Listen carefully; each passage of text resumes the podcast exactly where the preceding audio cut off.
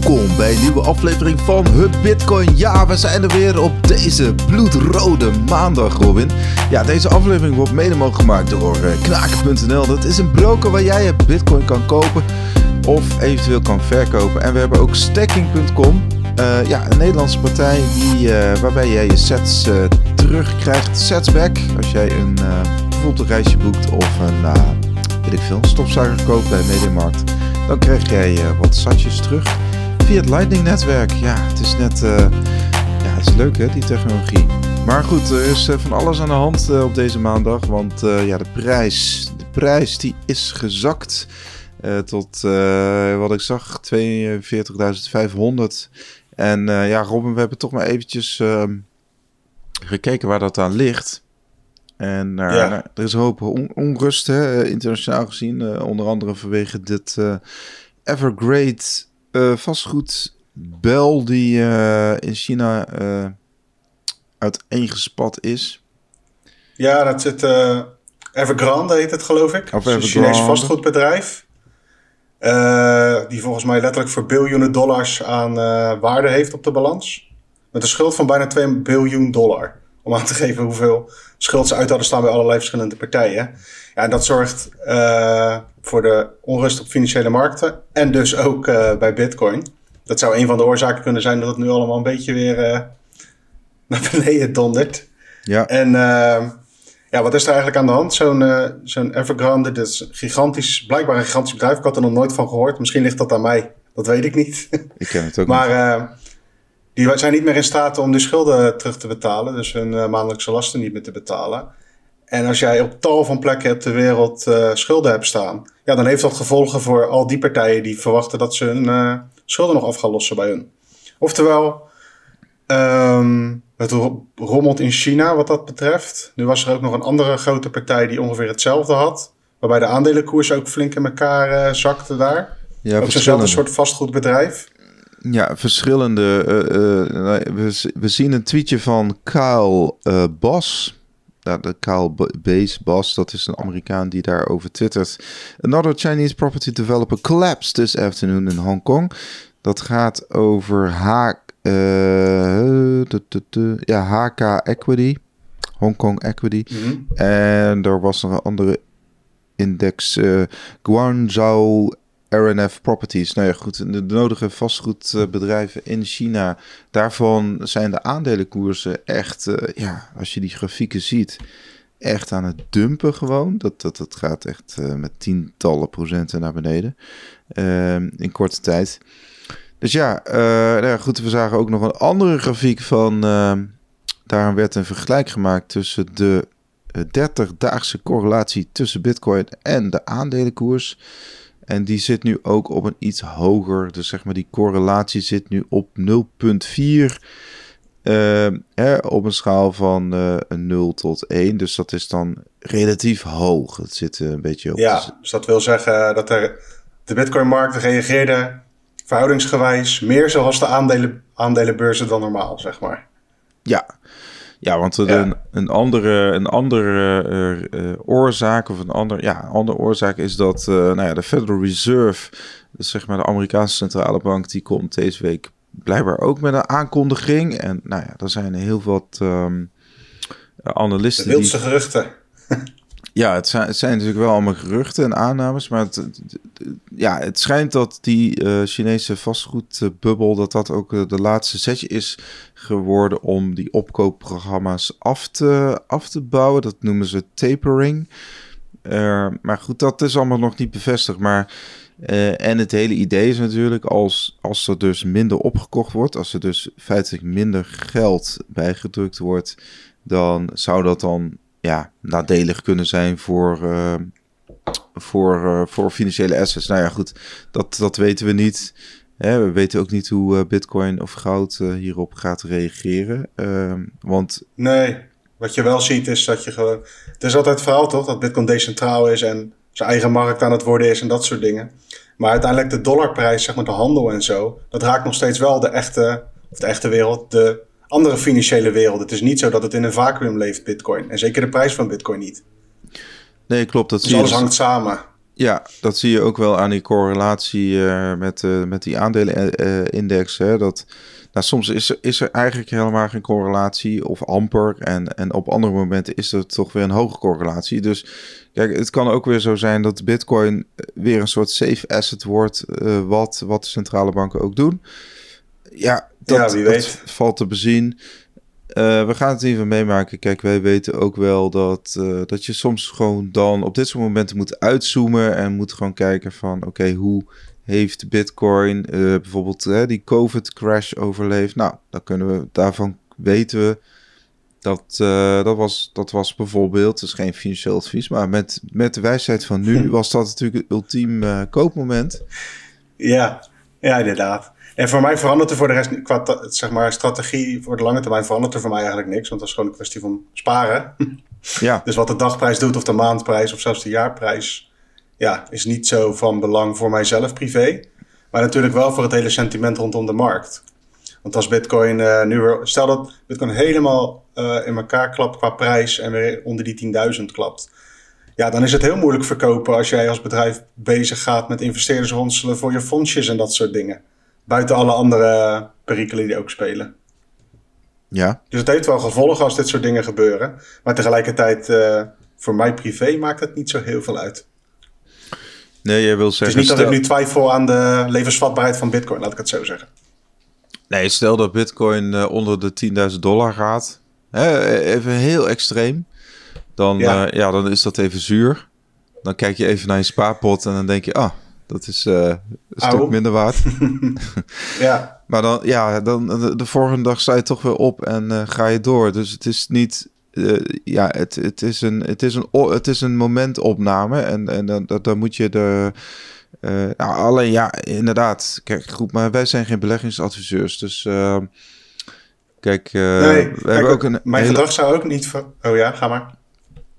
Ja, we hebben een hele andere strategie. Dat is namelijk sparen en niet per se de markt timen. En de markt timen, dat is echt een heel ander, ja, heel ander kunstje. Dat, dat kunnen er maar weinig. Ja, ja, dat wilde ik dus zeggen. Van, uh, als de prijs nu juist naar 100.000 dollar zou schieten bijvoorbeeld... dan zou mijn strategie eigenlijk nog niet echt veranderen. Nee. Dus zeg maar, van dag tot dag, want dat is ook wat we doen op de site natuurlijk. Dag tot dag kan je het nieuws volgen. Dan is de prijs best wel belangrijk voor het nieuws. Maar op lange termijn voor mezelf qua privéstrategie valt dat wel mee. En ja, ja, ondertussen, als je lang mm. genoeg bij Bitcoin blijft zitten, dan krijg ik de hele tijd dit soort dingen. Er gebeuren grote dalingen. Er gaan ook grote stijgingen, tenminste dat hoop je dan, dat er ook weer grote stijgingen volgen. En uh, ja, dat is een beetje het leven wat erbij hoort bij Bitcoin. Het gaat niet alleen maar in rechte lijn omhoog, dat bestaat niet. Of naar beneden.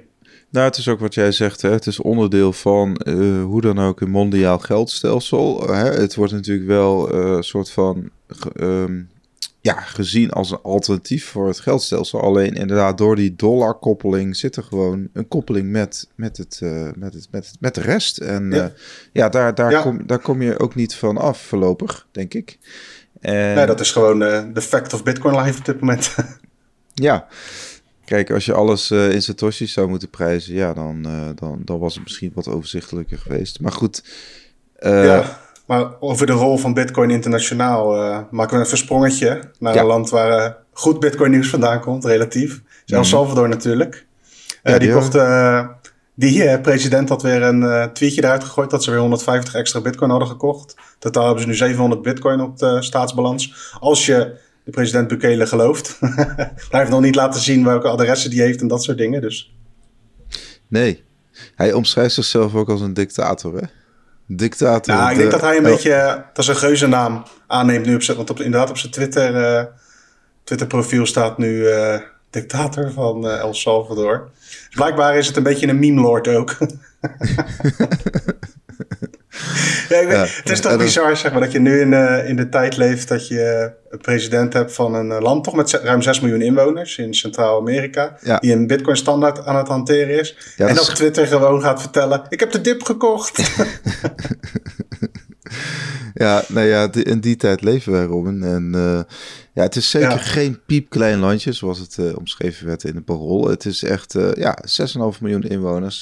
ja, ga er maar aan staan. Het is best wel een aardig landje. Er was toch ook een soort nep-account nu ja, dat was ook zoiets, ja. Je hebt op, het zal vast op andere Twitter, in Twittergroepen ook gebeuren, maar op Bitcoin Twitter of Crypto Twitter is het regelmatig zo dat iemand bijvoorbeeld de naam van McDonald's eventjes als zijn naam doet. Dan heb je gewoon je eigen Twitter profiel. Maar dan lijkt het alsof McDonald's tweet, weet je wel? Ja. Nou, dat hadden ze nu ook gedaan uh, met Bukele zijn, uh, zijn naam. Dat die uh, Turkije uit, daar komen we zo nog even op, dat die Turkije een beetje belachelijk maakt. Omdat die dus juist, president Erdogan heeft juist een soort van de oorlog verklaard aan bitcoin en cryptocurrency. Maar dat was dus een nep-account en dat werd ondertussen ook weer opgepikt door wel, zeg maar, professionele, tussen aanhalingstekens, nieuwsaccounts. Dus ja, dat soort dingen spelen ook mee. Ik denk dat, dit, dat hij dit wel prima vindt. Want dit is eigenlijk een soort van uh, marketing. In de zin van Qatar, die sponsort PSG, die halen Messi. En ja. Bekele, die is met Bitcoin bezig. Een soort van het land op de kaart zetten. Ja, klopt. Het is, uh, ja goed, uh, Arnold zit er nog steeds. dus we, zullen, we zullen binnenkort wat meer daarover horen. ze kwamen in ieder geval ook wel enigszins negatief in het nieuws. Want er was een mensengroep een mensenrechtengroep, uh, Christo Sal, uh, die in ieder geval aangaf dat. Uh, ja, die, die, die stellen gewoon vragen. Het is eigenlijk een soort waakhond binnen de Court of Accounts. die gaat zich spoedig over deze zaken buigen om een oordeel te vellen over de rechtmatigheid van de stappen die de regering van Boekele, Boekele heeft, heeft gezet. Hè? Want het gaat dan over het aankopen, het uitrollen van die ATM's. Natuurlijk het, uh, het uitrollen van de Shiva wallet, Bitcoin wallet. Uh, het aankopen van zoveel miljoen uh, Bitcoin. Daar zijn dus interne vragen over. En, ja, je hebt ook wel signalen gehoord vanuit het IMF, vanuit het Internationaal Monetair Fonds. Waar landen in principe, als je lid bent van bepaalde organisaties, dan kun je daar aankloppen voor leningen en financiering en dat soort zaken. En die hebben wel aangegeven dat ze dit een de stap naar Bitcoin een risicovolle stap vinden. Dus de kans is groot dat die niet meer zo snel bij het IMF eh, aan hoeven te kloppen. Ja, dat soort gevolgen ga je nu krijgen natuurlijk. Dit is toch wat je er ook van vindt. Dat ik, ja, ik, ben, ik heb helemaal niks met, met dat land en nou helemaal niet met de president. Maar hij is wel een pionier op het gebied van een land die met Bitcoin aan de slag gaat. En dat gaat ongetwijfeld zorgen voor tegengas. Onder andere van dit soort partijen. Ja, hij, hij schudt eigenlijk de, de bestaande kaders uh, schudt hij flink op door deze strategie. En het is best wel een agressieve strategie natuurlijk. Uh, want ja, vorige week kocht hij de dip ook. En ja. deze week weer. Dus ik dacht ook Met van... geld van het land, hè? Want dat is wel een, inderdaad een, een kritische noot van... het is en blijft gewoon iemand die een soort van zijn zin nu door lijkt te pushen. nou, toevallig is dat bitcoin, dus dat is voor ons nieuws. Maar het is wel gewoon met, uh, met overheidsgeld koopt hij de dip. Klopt, en ik dacht, oké, wat jij de vorige week hebt gekocht, dat is inmiddels ook wel weer minder waard. Dus ik bedoel, kijk, uh, ik herken het privé ook wel, dat je denkt, nou, weet je, we gaan nu proberen die dip te kopen. Maar ja, ja, Of, of hij dondert nog veel verder naar beneden. Hè? Of, ja. je denkt, of, of, nou, whatever, of je koopt net te laat de dip of whatever. Maar, of je hebt een keer geluk. Of je hebt een keer geluk, dat kan ook. Dat kan ook. Maar uh, kijk, de, de, de, hij, hij is een president van een land. Hè? Wij zitten gewoon op een zolderkamer. Maar ja, ja dus het is. Um, de, de, hij, hij, draagt een grote verantwoordelijkheid wat dat betreft. Maar goed, we gaan het zien uh, hoe, zich dat, uh, hoe zich dat ontpopt uh, de komende maanden met El Salvador. Blijft hoe dan ook een interessant experiment. Arnold Heubach die komt ook met een docu. Ehm, we zagen al de, de trailer, hè, Robin? Dus nou ja, dat smaakt... Ja, het ziet er leuk uit. Smaakt daar on, on the ground, dus met een beetje geluk is die binnenkort klaar. En dan lees je uiteraard meer over op bitcoinmagazine.nl onder andere. En op het YouTube kanaal is die natuurlijk te zien straks. Ik had nog een klein dingetje over El Salvador. En het mhm. was dat die in de maand uh, september al meer dan 200 bitcoin automaten uh, hebben geïnstalleerd. Blijkt uit oh, data van uh, Coin ATM Radar. Het is niet helemaal nauwkeurig, want je moet daar wel aanmelden. Of in ieder geval het moet geregistreerd worden. Er zullen ongetwijfeld meer zijn dan dat ze in, in totaal tellen. Maar in deze maand, september, tot nu toe meer dan 200 van die pinautomaten neergezet in, binnen de landsgrenzen. En daarmee is alleen uh, Noord-Amerika uh, hun voor. Dus uh, de Verenigde Staten en Canada die hebben nog wat meer. Maar die hebben uiteraard ook veel meer inwoners. Ja. Dus ja, Bitcoin pinautomaten zijn daar een ding. In Nederland vind ik het een beetje omslachtig. Maar daar kun je het nu dus gaan gebruiken om geld over de grens te sturen. En daar is het wel interessant voor, want dat kan kosten besparen en dat soort dingen. Maar vond ik gewoon even een, een leuk feitje dat daar dus de pinautomaat flink zijn geïnstalleerd deze maand sinds de invoering van de bitcoin als nationale munt naast de dollar. Dus ja. er gebeurt daar van alles. Zowel leuk nieuws als minder nieuws. Ja, kijk, uh, heel veel gebeurt digitaal natuurlijk, maar zo'n ATM is gewoon een, een, een, fysiek apparaat. En ja, gewoon voor heel veel mensen is dat dan toch zo van, uh, ja, dat, dat, dat, dan, dan wordt het ineens uh, iets meer waard of zo, of dan is het echter. Ehm, nou, ik, ik, wil, ik, ik ga nu echt in ieder geval de komende tijd een keertje zo'n ATM proberen. ik heb het ooit in Malta gedaan, maar dat was volgens mij geen bitcoin. Maar de, in Nederland heb ik het nog niet mogen proberen. Want tegenwoordig, uh, we, kennen een uitbater van de ATM, uh, Bilex volgens mij. Uh, En nou ja, goed, dan, dan moet je wel een app downloaden en dan moet je wel door een KYC voordat je überhaupt een transactie mag doen. Dus die regels die zijn ook wel strenger geworden natuurlijk. Ja, het is niet dat je anoniem even geld uit de muur kunt trekken, zeg maar. Nee. Helaas. Nee. Nee, nee. Dus dat, dat zit er niet in. Dit, uh, maar goed, uh, het, was, het, het, was een beetje een gekke week. Want we hadden natuurlijk best wel aan de ene kant best wel wat, wat, wat tenminste, ik zag bijvoorbeeld on-chain best wel veel bullish dingen.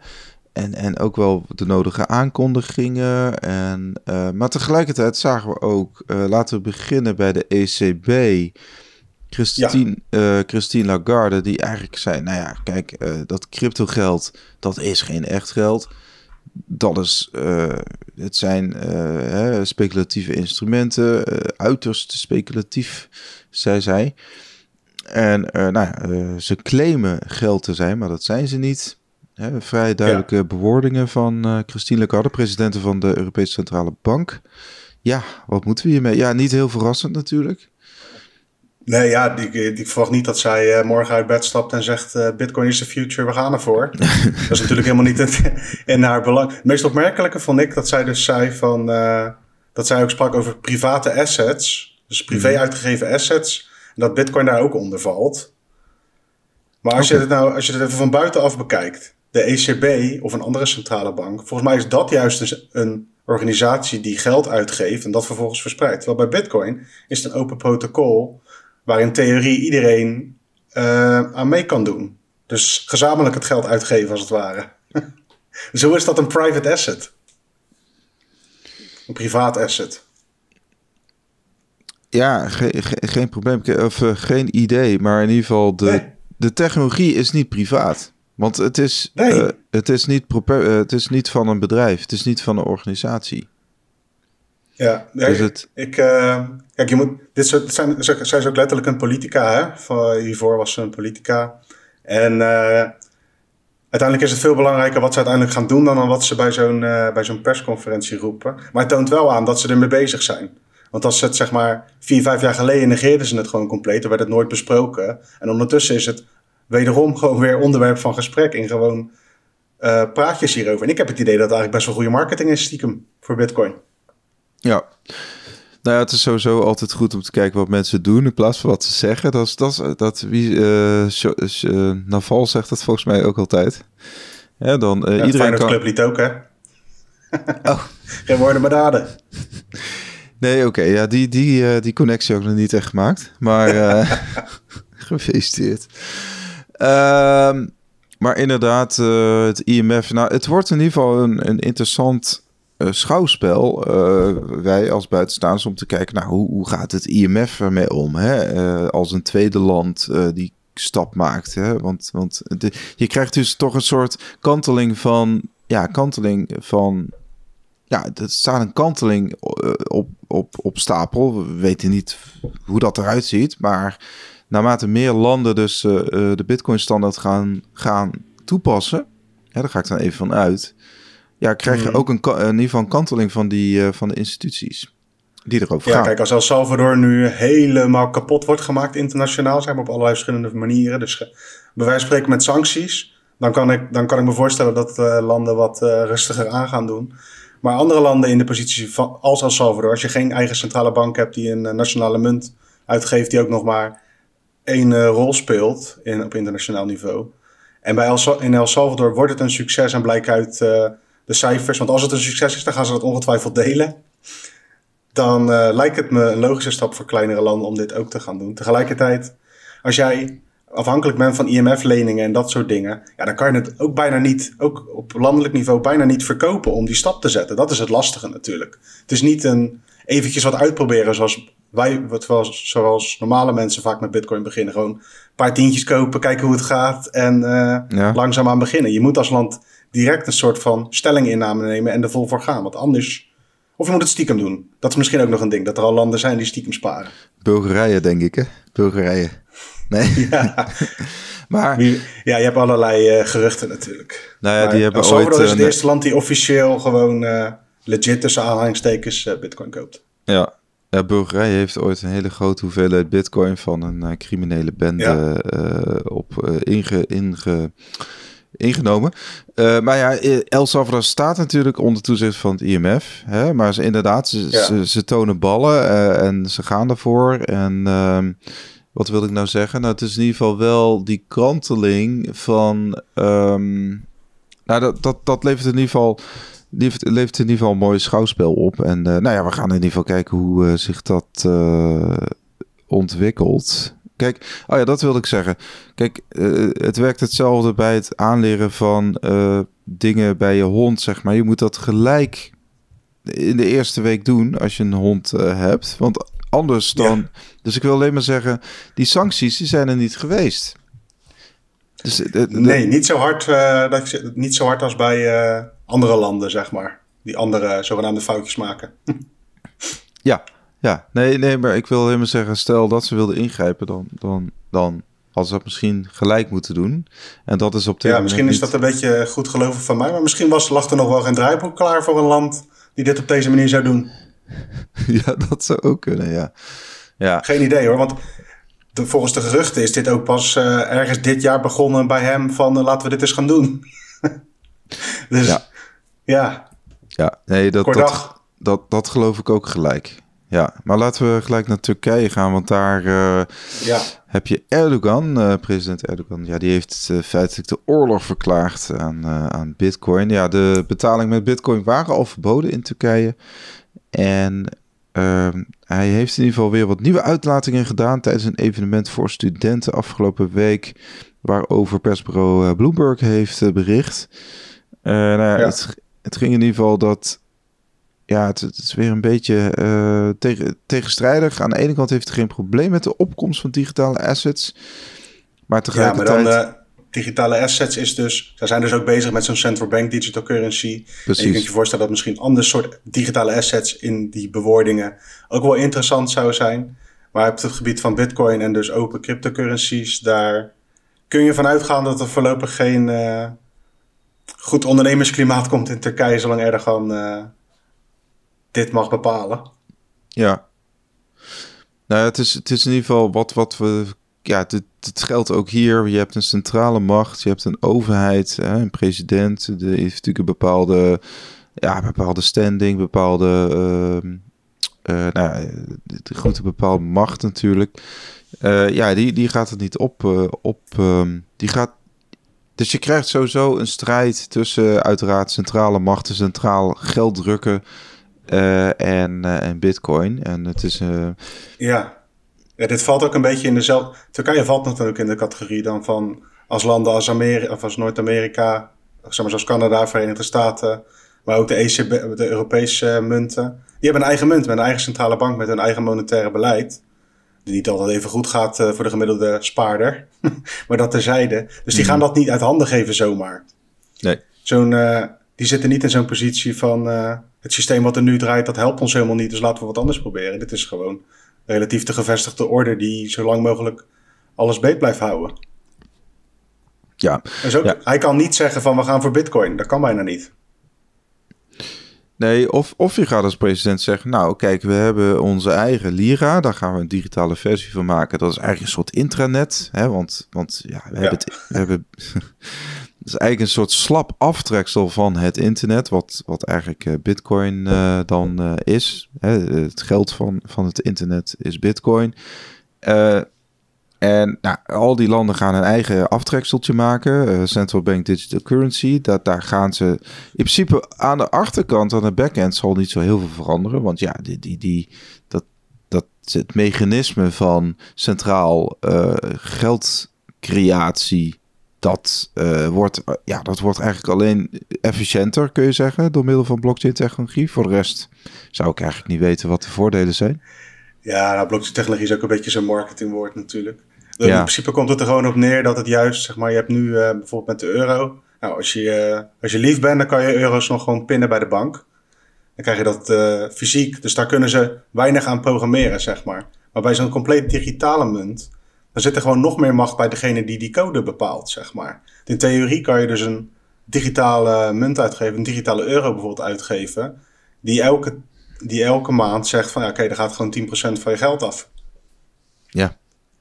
Of 1%, of weet ik het hoeveel procent, ligt eraan hoeveel energie je verbruikt, weet ik het allemaal voor onzin. En dat is een beetje uh, conspiracy gedachte slash uh, een beetje toekomst uh, voorspellen. Maar dat is een reëel scenario wat mogelijk is met dit soort digitale munten. Dus dan ga je niet op bitcoin inzetten. Dat kan niet. Nee, precies. Kijk, in, in, in, in, in theorie, op papier kun je kun je zeggen, we gaan heel veel datastromen, centrale datastromen gaan we aan elkaar koppelen. Hè? Dus in, in het geval van Nederland kun je zeggen, je hebt de DigiD, we hebben nu de uh, corona QR-code, we hebben natuurlijk uh, ja, belastinggegevens, hè? dus uh, wat ze aan belastingen binnenkrijgen. En dan hebben we ook nog je transactieverkeer van je bank. want ja, je krijgt bij ons ook een bankrekening. Niet, niet, niet bij een commerciële bank, nee, bij ons. Een overheidsbank. Dus ja, nou, dat, dat, is het eh, scenario waar naartoe gebouwd wordt. En niet het scenario van vrijheid, blijheid, iedereen mag zijn eigen currency kiezen. Dat is in ieder geval niet in het belang van degene die nu op die stoeltjes zitten. Nee. Nee, nou ja, kijk, dat, en dat maakt het wel. Um, ik weet niet, ik ben even de precieze quote. Ben ik even kwijt. Maar kijk, dat. Kijk, uh, Bitcoin is gewoon echt een veelkoppig monster. Het is niet alleen het protocol. Het is ook een, een geld. Uh, het is geld. Het is, uh, het is een unit of account, medium of exchange. Dus het is. Um... En het heeft allerlei uh, implicaties, zeg maar. Want nou, dan komen we weer even bij El Salvador of bij jou zelf als privépersoon. Als El Salvador ineens van de dollar afstapt en naar de Chinese, Chinese munten gaat, bij wijze van spreken dan hmm. kunnen er nog steeds een bank zijn die zegt: ja, sorry, je, je geld is nu bevroren. dus, eh, en dat kan op allerlei verschillende niveaus kan dat gewoon gebeuren. Dat gebeurt bij, uh, in Nederland met mensen die uh, nu in al die COVID-shit aan de verkeerde kant staan, bij wijze van spreken. Mm dat gebeurt internationaal met, met letterlijk internationale sancties. Dat, dat bepaalde landen geen bankverkeer kunnen hebben internationaal. En dat heb, wordt met zo'n digitale lira in dit geval, bijvoorbeeld in Turkije, wordt dat alleen maar erger. En het is de vraag uh, of we tussen aanhalingstekens kunnen winnen met Bitcoin. Maar dat is eigenlijk de strijd. Tussen uh, compleet gecontroleerde digitale valuta en Bitcoin. Ja, kijk, je hebt natuurlijk ook bepaalde minderheden in Turkije. Eh, als jij bijvoorbeeld, ik, je bent een, een, een christenen of je komt uit Armenië, dan, ja. ja dan, dan, zit daar wel bepaalde, dan zit daar wel een bepaalde historie aan vast. En ja, dus al dus. Voorlopig geen Bitcoin-standaard in Turkije. Daar komt het op neer. En in Nederland trouwens ook niet. En in Amerika ook niet. Ja. Nee. Wel, ja. Wat luchtige nieuwtje eventjes. Ja. Uh, standbeeld. Oh ja. Dus in Budapest werd het standbeeld van, een standbeeld van Satoshi Nakamoto onthuld. Vond ik wel grappig. Het is een soort van... ja, het is een goud standbeeld van... Een, het lijkt op een man in ieder geval die een een hoodie op heeft met het Bitcoin logo op zijn borst. En die man is dus van goud. En ik zag een tweetje daaronder van... Het is wel leuk dat dat van goud is, want dat is eigenlijk het enige waar we goud van nog voor kunnen gebruiken voor fysieke mooie, mooie dingen. Want Bitcoin heeft het uh, spaaraspect van goud afgepakt. Dus dat is ook nog eens een beetje symboliek. Mocht je er naartoe willen, het is dus in Budapest, in Hongarije. Ja, in een park. Het uh, Grafnisoft Park. Ja. Kijk, die gaan we onthouden. Hij Voor staat... Als je ooit voor een pelgrimtocht gaat voor bitcoin, dan moet je hier langs. ja, dat is ook een prima regime daar. Ja, dat is... Ja, nou. Wel een hele leuke stad hoor. Ik weet niet of je wel eens in Boedapest bent geweest. Ja, ja, ja, ja, ja. Een paar jaar geleden. Met een paar vrienden. Was Leuk, erg gezellig. Ze hebben, ja. ze, ze, hebben allemaal van die, van die ja, van die ondergrondse kroegen en clubs en zo. Dat is heel leuk. Klopt. Het is leuk, uh, leuk speel. En dus nu ook een standbeeld van Satoshi Nakamoto. Ja, het is gewoon het is eigenlijk heel luchtige nieuws. Compleet tegenovergestelde van wat we net helemaal allemaal besproken hebben. Maar gewoon twee initiatiefnemers. Beeldhouwer Rika Gili en Tamas Gili. Die hebben het figuur ontworpen en neergezet uiteindelijk. Ja, het staat op in een park naast onder andere Steve Jobs. Dus het staat wel tussen een rijtje van uh, bekende mensen. En Satoshi hoort er nu bij. Als eerste anonieme persoon, denk ik, ooit. Nou, wat, wat me opviel is dat het leeft. Hè? Er kwam echt wel een hele meute mensen op af. Ja. En uh, ik dacht, uh, oké, uh, dat, dat, dat leeft wel in Hongarije. En misschien dat het daar ook, ik weet niet, dat daar gewoon heel veel, relatief meer veel bitcoiners zitten. Ik weet het niet, maar het is in ieder geval... Ja, dat zijn, dat zijn ook wel landen die wat meer, zeker bij de oudere bevolking, wat meer ervaring hebben met overnames van je land en niet meer bij je bank kunnen, denk ik. En dat soort zaken. Dat, je, dat het ook wel handig is als je niet compleet afhankelijk bent van de overheid die op dit moment de macht heeft. Dat soort dingen spelen vaak ook mee. Klopt, klopt, inderdaad. Nou, het was in ieder geval onze parlementariër uh, Thierry Baudet. Uh, de, ja, die kunnen we ook nog wel even doen. Kort. Ja, toch? De, de lijsttrekker van FVD, die, die noemde dat tijdens een debat hè, in de Tweede Kamer. Je hebt er een stukje over getikt. Ja, even kort. Dat is gewoon een... ik weet niet meer tijdens welk debat het was. Want we hebben daar constant debat tot diep in de nacht tegenwoordig. Ik weet niet of het altijd al was, maar sinds, sinds kort volg ik het een beetje.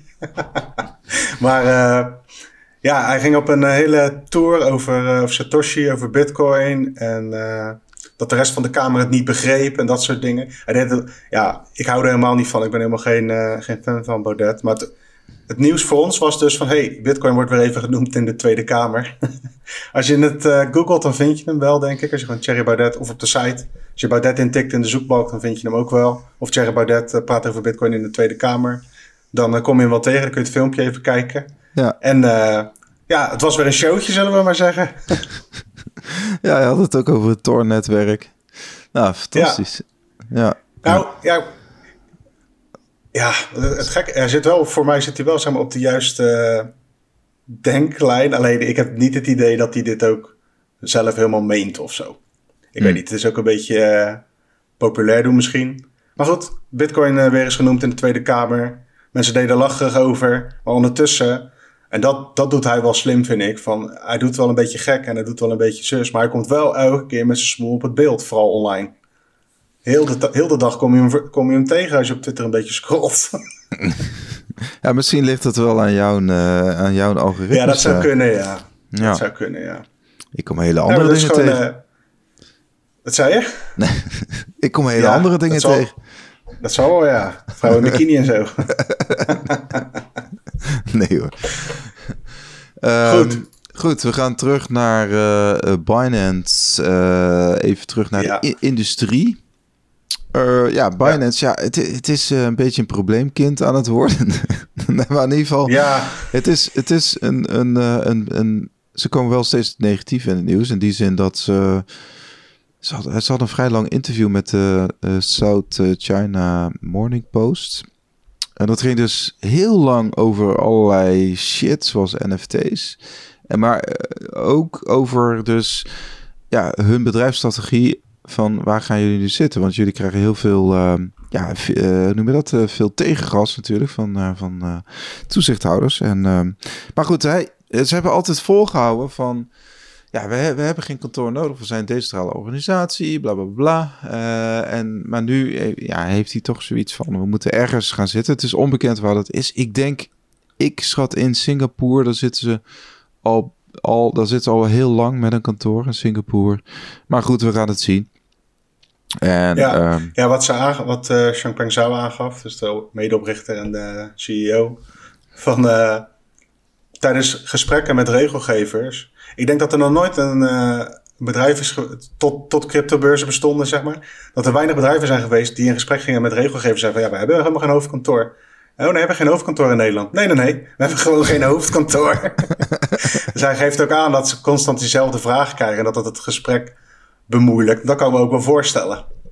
Ja. Het, is, het is ook een, een shady business to the max. En daarmee zijn ze gigantisch groot geworden. Bijvoorbeeld dus de spotbeurzen van alle cryptocurrencies. Ja, het grootste gedeelte van al het volume zit allemaal daar, allemaal bij Binance.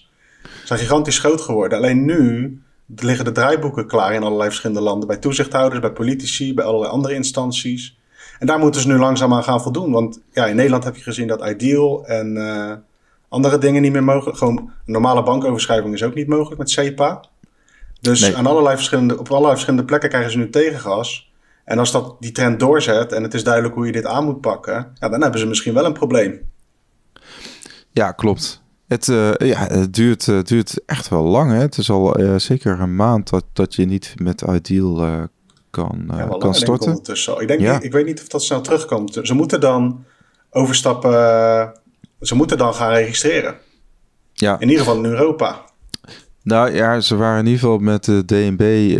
zitten ze in dat proces, begreep ik dus ze, ze, ze, willen wel een registratie in Nederland, maar daar is nog geen, uh, geen witte rook. En uh, nou ja, ook het uh, handelen in derivaten, want dat is eigenlijk ook wel heel groot bij hun, hè, die derivaten. Want ze hebben die... Dat kan in Nederland ook niet meer, officieel. Nee, nee, officieel niet. Ik denk wel dat daar ook wel, dat Nederlandse handelaren daar wel een manier voor hebben. Of ze gaan bijvoorbeeld naar FTX, denk ik. Maar... Ja, dus... pak een VPN'tje en je doet een beetje je best. ja, ja, precies. En, uh, maar kijk, die leverage hebben ze teruggebracht naar 100 naar, van 100 naar 20. Hè? Maar ja, maal 20 is nog steeds flink natuurlijk. En stel jij gaat met één bitcoin uh, speculeren. En je gaat maal 20. ja. Ja. ja, ik lach erom, maar het gebeurt constant. Want je ziet het aan die volume staan, dat is bizar. Ja. Nee, dus, ja, maar dit is een beetje het voorbeeld van... Uh, het tegenovergestelde van beurzen die vanaf het begin af aan, net als Coinbase in Amerika, die nu beursgenoteerd zijn, die zijn vanaf het begin af aan de regeltjes gaan volgen en alles binnen de lijntjes. En zelfs nu diensten verkopen aan allerlei surveillance uh, pub in Amerika. En dan heb je aan de andere kant van het spectrum Binance, die gewoon alles hebben gelanceerd, overal en nergens. En dan nu langzaamaan gaan proberen of ze nog aan de compliance kunnen voldoen. Kijk, en ik, Nederland is wel een, groot, relatief grote markt, omdat mensen altijd veel uh, handelen en veel bezig zijn met Bitcoin. Ook relatief. Als je bijvoorbeeld kijkt naar Google searches en dat soort dingen, scoort Nederland daar best wel goed in procentueel per mm. inwoner. Maar het is nou ook niet zo'n markt waar zij per se moeten zitten. Zij moeten in Amerika zitten, in Groot-Brittannië en het liefst in al die Aziatische landen, gok ik, en opkomende landen. Of uh, nog groeiende economieën zoals Brazilië en zo. Daar hebben ze trouwens ook een eigen kantoortje. Oké. Of een eigen afdeling zelfs, want daar was die directeur ook weer van opgestapt. Dat is het ook, hè. Ze halen dan mensen binnen om dat soort dingen te gaan regelen. En één voor één vallen ze weer af. Klopt. Ja, ze hadden nu ook wel laatst voor iemand. Uh, dit weekend was toch ook nieuws over. Uh, uh, ze hadden iemand van Interpol of zo. Hadden ze ja, Europol was dat. Ja. Oh, Europol. Was gespecialiseerd in het dark web aspect bij, bij Europol. Zo moet je denken aan. dat is dus iemand die de geldstromen kan volgen die normale surveillancebedrijven misschien niet zo goed kunnen volgen. En ja, dat is allemaal, allemaal in de dienst van compliance. Die is dus straks mede verantwoordelijk voor uh, het opsporen van uh, geld dat niet op Binance hoort of uh, na een hack dat het daar terecht komt. Weet je, dat soort zaken. Daar is hij straks hmm. van, of daar is hij nu verantwoordelijk voor. Kijk, want zij moeten dus gewoon mensen gaan hebben waar, stel dat de Nederlandse Belastingdienst of de politie gegevens op wil vragen uh, bij al die bedrijven die bij DNB geregistreerd zijn, dan gaan ze ervan uit dat dat, als ze bellen bij wijze van spreken, dat het op het uh, bureau komt te liggen. Maar bij Binance is dat nog niet zo makkelijk. En dit soort gasten moeten dat gaan regelen. En ik ben benieuwd, want dat lijkt me een hels kawaii. Want jarenlang kon je daar gewoon zonder identificatie uh, aan de slag. Ja, ja. Nee, inderdaad. Nou goed, ik, het, het, is, het, het creëert wel heel veel werk. Het is echt...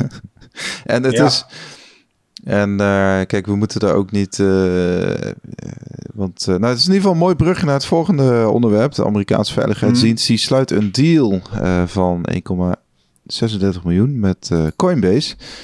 Ja, als we het hebben over een exchange die ook heel veel weet en ook heeft geïnvesteerd in, in, in surveillance software, dan is het Coinbase. Dat, dat vergeten we wel misschien soms, maar het is de grootste exchange in Europa. Ze hebben in 2018 of 19 hebben ze uh, Neutrino overgekocht. Neutrino is een bedrijfje uit Italië, meen ik. En die, uh, ja, die zijn gespecialiseerd in uh, eigenlijk ja, hoe noem je dat? Gewoon online spionage of hè, dus gewoon het Surveillance vind ik altijd een mooi woord. Surveillance, inderdaad. Ja. Daar hebben ze destijds 13,5 miljoen dollar voor, voor betaald voor Neutrino. ja. En, en Neutrino heeft bijvoorbeeld, weet ik toevallig, uh, dat die, die hebben ook bijvoorbeeld voor de Europese Commissie uh, opdrachten gedaan. Hè, om dan uh, ja, bijvoorbeeld bepaalde regimes waar, de Europese, waar Europa meer over wilde weten. dan, dan werd ook een Neutrino ingezet. Oké. Ja, en uh, nou, die, die vallen nu onder Coinbase. Uh, en een deel van die, uh, dat oude team zit nog steeds. het hacking team heet dat. Het hacking team valt nu onder Coinbase. En nou ja, die gaan dus in ieder geval de. de wat is het? Dus niet de Secret Service, maar gewoon de. Wat zeg je nou? De Secret Service. Drug Enforcement Agency. Nee, nu, dit, deze deal gaat over Homeland Security. Dus de. oh, dat is weer al die uh, drie, letter, uh, drie letter organisaties doen ze. ja, ja, ja, ja. Ja, nee, ja, die hebben allemaal heel veel informatie nodig. Ja. Dus, uh, nou ja, en het dat is een beetje de, de Amazon-route, hè? Van uh, Amazon, ja, natuurlijk, zeg maar, e-commerce hebben zij helemaal uh, overgenomen. Daar zijn ze gigantisch groot mee geworden. Maar die hebben ook heel veel government contracts. Dat is gewoon mm. big business in Amerika. En Coinbase het zijn, op schaal zijn dit helemaal niet zulke grote diensten. Maar ja, als je eenmaal die banden hebt en die opdrachten voer je goed uit. Wie weet wat voor opdrachten je allemaal nog meer kan krijgen vanuit Coinbase. Nou ja, dit, dit is de grootste deal die ze volgens mij tot nu toe uh, met de federale overheid hebben gesloten. dus uh, ja. ze hadden eerst een klein opdrachtje gedaan voor Homeland Security. Iets van, weet ik veel, 40, 50.000 dollar. Ja, nu hebben ze die uh, order van 1,36 miljoen binnen gehengeld. Ja. Yep. Ja, ja het nou is, uh, kijk, dat hoort er ook een uh, soort van. Het hoort er niet bij, wil ik niet zeggen. Maar dit soort bedrijven. Je kunt niet anders verwachten dan dat ze dit gaan doen, gek genoeg. Ja. Nee, ja, nee, inderdaad. Maar dit, ze zijn beursgenoteerd. Ze zijn natuurlijk, uh, weet ik veel, misschien wel 10 miljard waard. Uh, dus het is. Ja, meer volgens mij richting de 40 of zo. Oh ja, inderdaad. 30. Al meer, ja. Ja, dus uh, gigantisch en uh, gigantische belangen. En uh, ja, hou er rekening mee. Maakt niet, eigenlijk niet uit welk bedrijf. meestal is het niet je vriend. nee. nee, nee, klopt. Dus, ehm, nou ja, goed. iets om in de gaten te houden. En ik zie nog een paar interessante tweets van TXMC. Dat gaat dus eigenlijk over, ehm, over die huidige prijsdip. Hij is een uh, on-chain uh, analist. Misschien kunnen we daar wel mee afsluiten. Hij zit in ieder geval dat uh, whales, dus mensen met meer dan 1000 bitcoin of meer. En minnows, minnows dat zijn eigenlijk kleine visjes. Dus dat zijn mensen met minder dan 1 bitcoin. ja, die zijn nu aan het kopen. Dus die zijn, die zijn de dip aan het kopen. Ja, Oké, okay, en ertussenin zitten partijen die dan, die dan aan het verkopen zijn blijkbaar. Nou, je hebt dan ook nog entiteiten tussen de 10 en, en, en 100 bitcoin. Die zijn ook aan het kopen. Uh, maar de partij, zeg maar... Uh, nou, de, de, de, de, inderdaad, de, de partij tussen de 100 en 1000 bitcoin... Die zijn aan het verkopen. Nou goed. Oké. Ja, het is ook allemaal een beetje... Want dat is allemaal on-chain. Dus dat zijn dan adressen die die je dan kunt volgen. Maar op de beurzen wordt uiteindelijk natuurlijk die prijs uh, heen en weer gepingpongd. En daar is altijd gewoon uh, iets meer dan 2 miljoen bitcoin toch beschikbaar. Zoiets, ja. Ja, op de beurs is nu 13% uh, eh, meen ik beschikbaar. Dus moet je 13% pakken van ongeveer 18,5 miljoen. Ja, dus, nou kan ik even niet uit mijn hoofd, maar... dat is ongeveer 2 miljoen, ja, denk ik. ja. Dus, uh, ja, nou ja, ja, dat is het. Hè, zeg maar, al die dingen mm. die we dan bespreken, van on-chain tot en met El Salvador en alles daartussenin. Uh, alles heeft invloed uiteindelijk op de prijs en op de perceptie van Bitcoin en hoe dat uiteindelijk gaat groeien. En het is nooit één ding die iets bepaalt. Nee, klopt. Klopt. En dat, dat, uh, dat, want je, je moet ook niet, niet doen alsof technische analyse niks voorstelt. Ik bedoel, daar kun je ook bepaalde patronen uithalen. Je hebt natuurlijk on-chain, on-chain analyse gewoon Hè, die jongens brengen gewoon een kaart wat gebeurt op de, op de blockchain. Ja, en je hebt en je hebt natuurlijk ook, wat we ook aan het begin zeiden, van ja, gewoon ontwikkelingen op, op andere financiële markten die ook toch invloed hebben op, uh, op die prijs. Ja. ja. En, uh, en het allerbelangrijkste is Bitcoin. 21 miljoen Bitcoin in totaal. That's it. De rest is bonus. Is ook zo. Dat is, dat, dat is, dat is ook wel echt uh, eigenlijk het belangrijkste kenmerk van, van Bitcoin. Het is het, het, is het digitale schaarste. Hè? Dus uh, er kan. Dus dat. Uh, anyways, ik vond het weer een leuke aflevering, Robin. En ja, voor het laatste nieuws ga naar bitcoinmagazine.nl. Ja, en... nou YouTube in de gaten voor de documentaire over El Salvador. En de website uiteraard, maar net wat je prefereert. En dan uh, horen jullie ons volgende week weer bij een nieuwe Hub Bitcoin. Yes. Later.